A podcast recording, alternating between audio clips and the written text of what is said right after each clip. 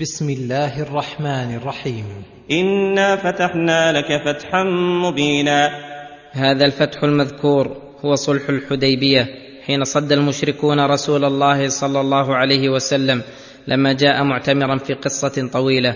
صار آخر أمرها أن صالحهم رسول الله صلى الله عليه وسلم على وضع الحرب بينه وبينهم عشر سنين وعلى أن يعتمر من العام المقبل.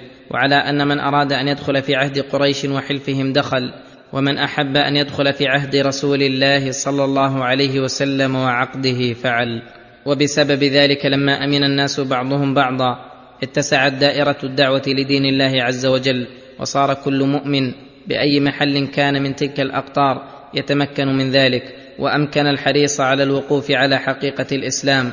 فدخل الناس في تلك المدة في دين الله أفواجا فلذلك سماه الله فتحا ووصفه بأنه فتح مبين أي ظاهر جلي وذلك لأن المقصود في فتح بلدان المشركين إعزاز دين الله وانتصار المسلمين وهذا حصل بذلك الفتح ورتب الله على هذا الفتح عدة أمور فقال ليغفر لك الله ما تقدم من ذنبك وما تأخر ويتم نعمته عليك ويهديك صراطا مستقيما. ليغفر لك الله ما تقدم من ذنبك وما تأخر.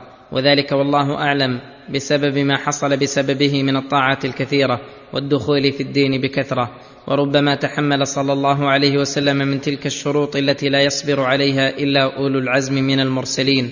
وهذا من أعظم مناقبه وكراماته صلى الله عليه وسلم. أن غفر الله له ما تقدم من ذنبه وما تأخر. ويتم نعمته عليك ويهديك صراطا مستقيما. ويتم نعمته عليك بإعزاز دينك ونصرك على أعدائك واتساع كلمتك ويهديك صراطا مستقيما تنال به السعادة الأبدية والفلاح السرمدي. وينصرك الله نصرا عزيزا. أي قويا لا يتضعضع فيه الإسلام بل يحصل الانتصار التام وقمع الكافرين وذلهم ونقصهم مع توفر قوى المسلمين ونموهم ونمو أموالهم. ثم ذكر آثار هذا الفتح على المؤمنين. هو الذي أنزل السكينة في قلوب المؤمنين ليزدادوا إيمانا مع إيمانهم. ولله جنود السماوات والأرض وكان الله عليما حكيما. يخبر تعالى عن منته على المؤمنين بإنزال السكينة في قلوبهم. وهي السكون والطمأنينة والثبات عند نزول المحن المقلقة والأمور الصعبة التي تشوش القلوب وتزعج الألباب وتضعف النفوس. فمن نعمة الله على عبده في هذه الحال أن يثبته ويربط على قلبه وينزل عليه السكينة ليتلقى هذه المشقات بقلب ثابت ونفس مطمئنة. فيستعد بذلك لإقامة أمر الله في هذه الحال. فيزداد بذلك إيمانه ويتم إيقانه فالصحابة رضي الله عنهم لما جرى ما جرى بين رسول الله صلى الله عليه وسلم والمشركين من تلك الشروط التي ظاهرها أنها غضاضة عليهم وحط من أقدارهم وتلك لا تكاد تصبر عليها النفوس فلما صبروا عليها ووطنوا أنفسهم لها ازدادوا بذلك إيمانا مع إيمانهم. وقوله ولله جنود السماوات والأرض وكان الله عليما حكيما. ولله جنود السماوات والأرض أي جميعها في ملكه وتحت تدبيره وقهره. فلا يظن المشركون أن الله لا ينصر دينه ونبيه ولكنه تعالى عليم حكيم. فتقتضي حكمته المداولة بين الناس في الأيام وتأخير نصر المؤمنين إلى وقت آخر. ليدخل المؤمنين والمؤمنات جنات تجري من تحتها الأنهار خالدين فيها ويكفر عنهم سيئاتهم وكان ذلك عند الله فوزا عظيما. فهذا أعظم ما يحصل للمؤمنين أن يحصل لهم المرغوب المطلوب بدخول الجنات ويزيل عنهم المحذور بتكفير السيئات. وكان ذلك عند الله فوزا عظيما. وكان ذلك الجزاء المذكور للمؤمنين عند الله فوزا عظيما. فهذا ما يفعل بالمؤمنين في ذلك الفتح المبين. ويعذب المنافقين والمنافقات والمشركين والمشركات الظانين بالله ظن السوء. عليهم دائرة السوء وغضب الله عليهم ولعنهم وأعد لهم جهنم وأعد لهم جهنم وساءت مصيرا. وأما المنافقون والمنافقات والمشركون والمشركات فإن الله يعذبهم بذلك ويريهم ما يسوءهم حيث كان مقصودهم خذلان المؤمنين وظنوا بالله الظن السوء أنه لا ينصر دينه ولا يعلي كلمته وأن أهل الباطل ستكون لهم الدائرة على أهل الحق فأدار الله عليهم ظنهم وكانت دائرة السوء عليهم في الدنيا وغضب الله عليهم بما اقترفوه من المحادة لله ولرسوله ولعنهم أي أبعدهم وأقصاهم عن رحمته. وأعد لهم جهنم وساءت مصيرا. ولله جنود السماوات والأرض وكان الله عزيزا حكيما. كرر الإخبار بأن له ملك السماوات والأرض وما فيهما من الجنود ليعلم العباد أنه تعالى هو المعز المذل وأنه سينصر جنوده المنسوبة إليه كما قال تعالى وإن جندنا لهم الغالبون وكان الله عزيزا أي قويا غالبا قاهرا لكل شيء ومع عزته وقوته فهو حكيم في خلقه وتدبيره يجري على ما تقتضيه حكمته وإتقانه.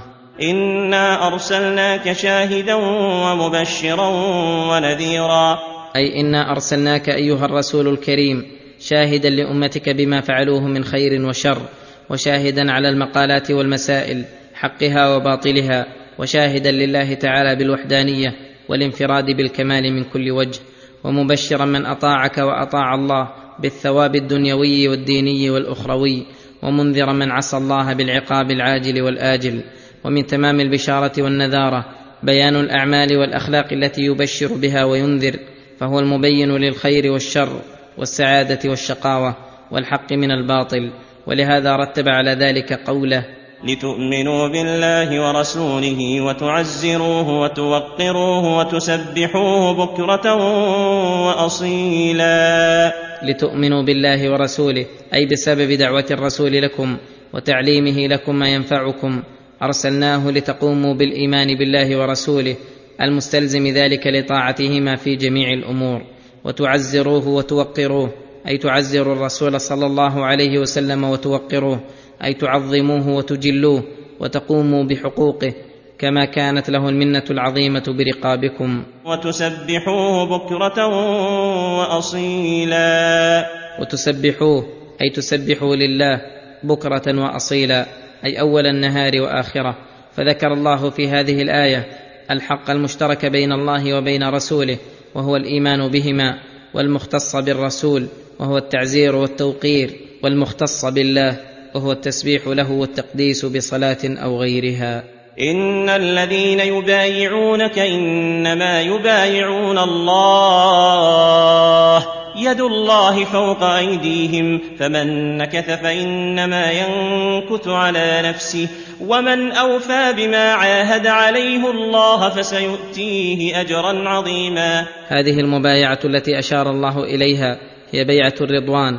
التي بايع الصحابة رضي الله عنهم فيها رسول الله صلى الله عليه وسلم على أن لا يفروا عنه فهي عقد خاص من لوازمه الا يفروا ولو لم يبق منهم إلا القليل ولو كانوا في حال يجوز الفرار فيها.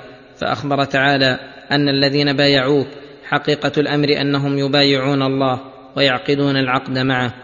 حتى إنه من شدة تأكده أنه قال يد الله فوق أيديهم. أي كأنهم بايعوا الله وصافحوه بتلك المبايعة وكل هذا لزيادة التأكيد والتقوية وحملهم على الوفاء بها.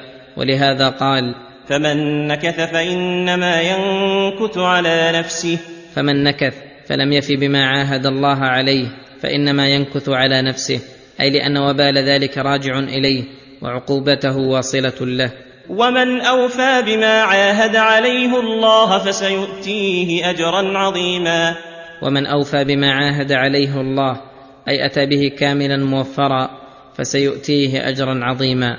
لا يعلم عظمه وقدره إلا الذي آتاه إياه. سيقول لك المخلفون من الأعراب شغلتنا أموالنا وأهلنا فاستغفر لنا. يقولون بألسنتهم ما ليس في قلوبهم. قل فمن يملك لكم من الله شيئا إن أراد بكم ضرا أو أراد بكم نفعا. بل كان الله بما تعملون خبيرا. بل ظننتم أن لن ينقلب الرسول والمؤمنون يرجعون إلى أهليهم أبدا. وزين وزين ذلك في قلوبكم وظننتم ظن السوء وكنتم قوما بورا. ومن لم يؤمن بالله ورسوله فإنا أعتدنا للكافرين سعيرا. يذم تعالى المتخلفين عن رسوله في الجهاد في سبيله من الأعراب الذين ضعف إيمانهم وكان في قلوبهم مرض وسوء ظن بالله تعالى وأنهم سيعتذرون بأن أموالهم وأهليهم شغلتهم عن الخروج في الجهاد وأنهم طلبوا من رسول الله صلى الله عليه وسلم أن يستغفر لهم. قال الله تعالى يقولون بألسنتهم ما ليس في قلوبهم فإن طلبهم الاستغفار من رسول الله صلى الله عليه وسلم يدل على ندمهم وإقرارهم على أنفسهم بالذنب وأنهم تخلفوا تخلفا يحتاج إلى توبة واستغفار. فلو كان هذا الذي في قلوبهم لكان استغفار الرسول نافعا لهم لأنهم قد تابوا وأنابوا. ولكن الذي في قلوبهم أنهم إنما تخلفوا لأنهم ظنوا بالله ظن السوء. فظنوا أن لن ينقلب الرسول والمؤمنون إلى أهليهم أبدا أي إنهم سيقتلون ويستأصلون ولم يزل هذا الظن يزين في قلوبهم ويطمئنون إليه حتى استحكم. وسبب ذلك أمران أحدها أنهم كانوا قوما بورا أي هلكا لا خير فيهم فلو كان فيهم خير لم يكن هذا في قلوبهم. الثاني ضعف إيمانهم ويقينهم بوعد الله ونصر دينه وإعلاء كلمته. ولهذا قال ومن لم يؤمن بالله ورسوله فإنا أعتدنا للكافرين سعيرا. ومن لم يؤمن بالله ورسوله أي فإنه كافر مستحق للعذاب فإنا أعتدنا للكافرين سعيرا. ولله ملك السماوات والأرض يغفر لمن يشاء ويعذب من يشاء. يغفر لمن يشاء ويعذب من يشاء وكان الله غفورا رحيما. أي هو تعالى المنفرد بملك السماوات والأرض يتصرف فيهما بما يشاء من الأحكام القدرية والأحكام الشرعية والأحكام الجزائية. ولهذا ذكر حكم الجزاء المرتب على الأحكام الشرعية فقال يغفر لمن يشاء وهو من قام بما أمره الله به. ويعذب من يشاء ممن تهاون بأمر الله. وكان الله غفورا رحيما. أي وصفه اللازم الذي لا ينفك عنه المغفرة والرحمة فلا يزال في جميع الأوقات يغفر للمذنبين ويتجاوز عن الخطائين ويتقبل توبة التائبين وينزل خيره المدرار آناء الليل والنهار. سيقول المخلفون إذا انطلقتم إلى مغانم لتأخذوها ذرونا نتبعكم يريدون أن يبدلوا كلام الله قل لن تتبعونا كذلكم قال الله من قبل كذلكم قال الله من قبل فسيقولون بل تحسدون لا بل كانوا لا يفقهون الا قليلا لما ذكر تعالى المخلفين وذمهم ذكر أن من عقوبتهم الدنيوية أن رسول الله صلى الله عليه وسلم وأصحابه إذا انطلقوا إلى غنائم لا قتال فيها ليأخذوها طلبوا منهم الصحبة والمشاركة ويقولون ذرونا نتبعكم يريدون بذلك أن يبدلوا كلام الله حيث حكم بعقوبتهم واختصاص الصحابة المؤمنين بتلك الغنائم شرعا وقدرا قل لهم لن تتبعونا كذلكم قال الله من قبل إنكم محرومون منها بما جنيتم على أنفسكم وبما تركتم القتال أول مرة فسيقولون مجيبين لهذا الكلام الذي منعوا به عن الخروج بل تحسدوننا على الغنائم. هذا منتهى علمهم في هذا الموضع ولو فهموا رشدهم لعلموا أن حرمانهم بسبب عصيانهم وأن المعاصي لها عقوبات دنيوية ودينية ولهذا قال بل كانوا لا يفقهون الا قليلا. قل للمخلفين من الاعراب ستدعون إلى قوم اولي باس شديد تقاتلونهم أو يسلمون. فان تطيعوا يؤتكم الله اجرا حسنا. وان تتولوا كما توليتم من قبل يعذبكم عذابا اليما. لما ذكر تعالى أن المخلفين من الأعراب يتخلفون عن الجهاد في سبيله ويعتذرون بغير عذر وأنهم يطلبون الخروج معهم إذا لم يكن شوكة ولا قتال بل لمجرد الغنيمة. قال تعالى ممتحنا لهم قل للمخلفين من الأعراب ستدعون إلى قوم أولي بأس شديد. أي سيدعوكم الرسول ومن ناب منابه من الخلفاء الراشدين والأئمة وهؤلاء القوم فارس والروم ومن نحى نحوهم وأشبههم تقاتلونهم أو يسلمون. أي إما هذا وإما هذا وهذا هو الأمر الواقع. فإنهم في حال قتالهم ومقاتلتهم لأولئك الأقوام إذ كانت شدتهم وبأسهم معهم. فإنهم في تلك الحال لا يقبلون أن يبذلوا الجزية بل إما أن يدخلوا في الإسلام وإما أن يقاتلوا على ما هم عليه. فلما أثخنهم المسلمون وضعفوا وذلوا ذهب بأسهم فصاروا إما أن يسلموا وإما أن يبذلوا الجزية. فإن تطيعوا يؤتكم الله أجرا حسنا. فإن تطيعوا الداعي لكم إلى قتال هؤلاء يؤتكم الله أجرا حسنا وهو الأجر الذي رتبه الله ورسوله على الجهاد في سبيله. وإن تتولوا كما توليتم من قبل يعذبكم عذابا أليما. وإن تتولوا كما توليتم من قبل عن قتال من دعاكم الرسول إلى قتاله يعذبكم عذابا أليما. ودلت هذه الآية على فضيلة الخلفاء الراشدين الداعين لجهاد أهل البأس من الناس وأنه تجب طاعتهم في ذلك. ثم ذكر الأعذار التي يعذر بها العبد عن الخروج إلى الجهاد فقال ليس على الأعمى حرج ولا على الأعرج حرج ولا على المريض حرج. أي في التخلف عن الجهاد لعذرهم المانع.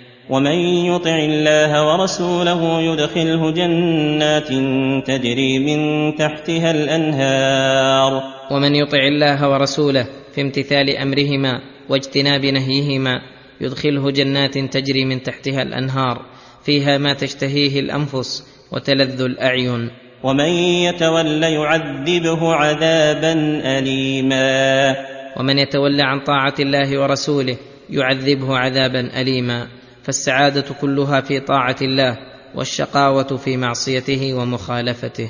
لقد رضي الله عن المؤمنين إذ يبايعونك تحت الشجرة فعلم ما في قلوبهم فأنزل السكينة عليهم وأثابهم فتحا قريبا. يخبر تعالى بفضله ورحمته برضاه عن المؤمنين إذ يبايعون الرسول صلى الله عليه وسلم تلك المبايعة التي بيضت وجوههم واكتسبوا بها سعادة الدنيا والآخرة وكان سبب هذه البيعة التي يقال لها بيعة الرضوان لرضا الله عن المؤمنين فيها ويقال لها بيعة أهل الشجرة أن رسول الله صلى الله عليه وسلم لما دار الكلام بينه وبين المشركين يوم الحديبية في شأن مجيئه وأنه لم يجيء لقتال أحد وإنما جاء زائرا هذا البيت معظما له.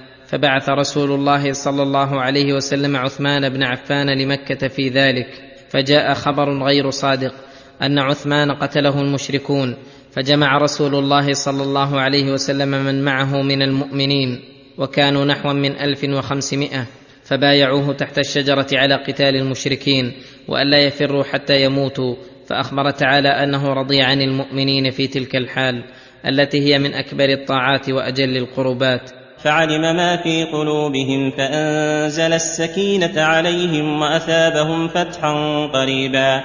فعلم ما في قلوبهم من الإيمان فأنزل السكينة عليهم شكرا لهم على ما في قلوبهم زادهم هدى وعلم ما في قلوبهم من الجزع من تلك الشروط التي شرطها المشركون على رسوله فأنزل عليهم السكينة تثبتهم وتطمئن بها قلوبهم وأثابهم فتحا قريبا. وهو فتح خيبر لم يحضره سوى أهل الحديبية فاختصوا بخيبر وغنائمها جزاء لهم وشكرا على ما فعلوه من طاعة الله تعالى والقيام بمرضاته.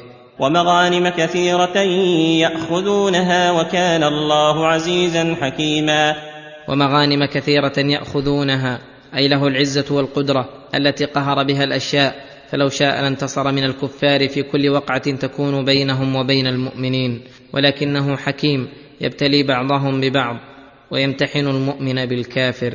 وعدكم الله مغانم كثيرة تأخذونها فعجل لكم هذه فعجل لكم هذه وكف أيدي الناس عنكم ولتكون آية ولتكون آية للمؤمنين ويهديكم صراطا مستقيما. وعدكم الله مغانم كثيرة تأخذونها وهذا يشمل كل غنيمة غنمها المسلمين إلى يوم القيامة. فعجل لكم هذه أي غنيمة خيبر أي فلا تحسبوها وحدها بل ثم شيء كثير من الغنائم سيتبعها. واحمدوا الله إذ كف أيدي الناس القادرين على قتالكم الحريصين عليه عنكم فهي نعمة وتخفيف عنكم. ولتكون آية للمؤمنين ويهديكم صراطا مستقيما. ولتكون هذه الغنيمة آية للمؤمنين يستدلون بها على خبر الله الصادق ووعده الحق وثوابه للمؤمنين وأن الذي قدرها سيقدر غيرها ويهديكم بما يقيض لكم من الأسباب صراطا مستقيما من العلم والإيمان والعمل.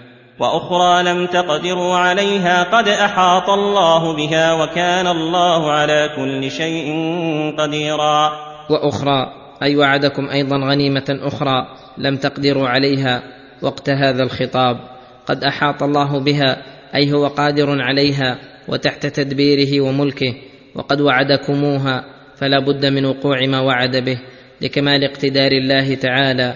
ولهذا قال وكان الله على كل شيء قديرا. ولو قاتلكم الذين كفروا لولوا الأدبار ثم لا يجدون وليا ولا نصيرا. هذه بشارة من الله لعباده المؤمنين بنصرهم على أعدائهم الكافرين وأنهم لو قابلوهم وقاتلوهم لولوا الأدبار ثم لا يجدون وليا يتولى أمرهم ولا نصيرا ينصرهم ويعينهم على قتالكم بل هم مخذولون مغلوبون سنه الله التي قد خلت من قبل ولن تجد لسنه الله تبديلا وهذه سنه الله في الامم السابقه ان جند الله هم الغالبون ولن تجد لسنه الله تبديلا وهو الذي كف ايديهم عنكم وايديكم عنهم ببطن مكه من بعد ان اظفركم عليهم وكان الله بما تعملون بصيرا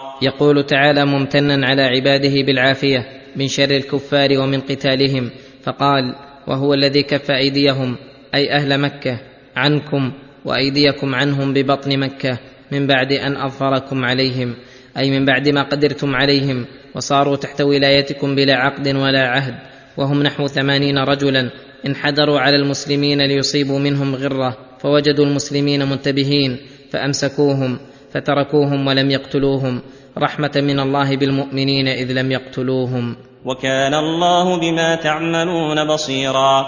فيجازي كل عامل بعمله ويدبركم أيها المؤمنون بتدبيره الحسن.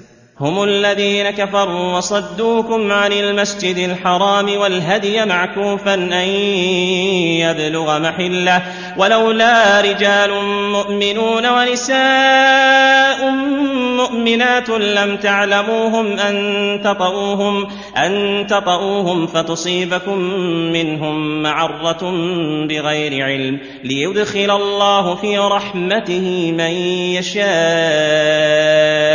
لو تزيلوا لعذبنا الذين كفروا منهم عذابا أليما. ثم ذكر تعالى الأمور المهيجة على قتال المشركين وهي كفرهم بالله ورسوله وصدهم رسول الله ومن معه من المؤمنين أن يأتوا للبيت الحرام زائرين معظمين له بالحج والعمرة وهم الذين أيضا صدوا الهدي معكوفا أي محبوسا أن يبلغ محله وهو محل ذبحه وهو مكة فمنعوه من الوصول إليه ظلما وعدوانا وكل هذه أمور موجبة وداعية إلى قتالهم ولكن ثم مانع وهو وجود رجال ونساء من أهل الإيمان بين أظهر المشركين وليسوا متميزين بمحلة أو مكان يمكن أن لا ينالهم أذى.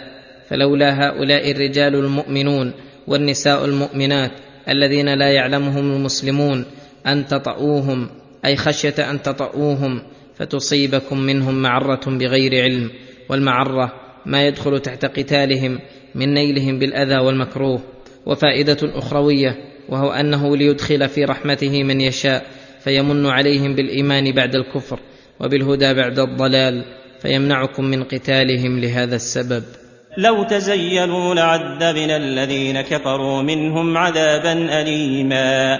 لو تزيلوا أي لو زالوا من بين أظهرهم لعذبنا الذين كفروا منهم عذابا اليما بأن نبيح لكم قتالهم ونأذن فيه وننصركم عليهم. إذ جعل الذين كفروا في قلوبهم الحمية حمية الجاهلية فأنزل الله سكينته على رسوله وعلى المؤمنين وألزمهم كلمة التقوى وكانوا أحق بها وأهلها وكان الله بكل شيء عليما.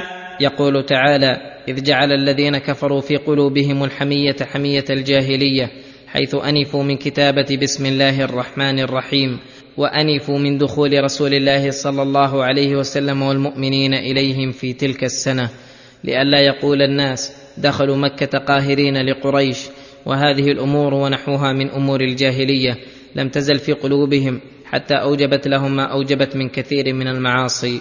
فأنزل الله سكينته على رسوله وعلى المؤمنين. فلم يحملهم الغضب على مقابلة المشركين بما قابلوهم به بل صبروا لحكم الله والتزموا الشروط التي فيها تعظيم حرمات الله ولو كانت ما كانت ولم يبالوا بقول القائلين ولا لوم اللائمين.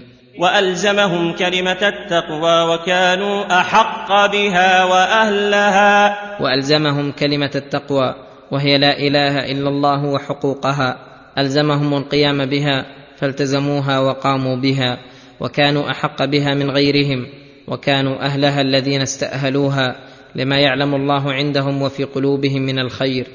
ولهذا قال وكان الله بكل شيء عليما. لقد صدق الله رسوله الرؤيا بالحق لتدخلن المسجد لتدخلن المسجد الحرام إن شاء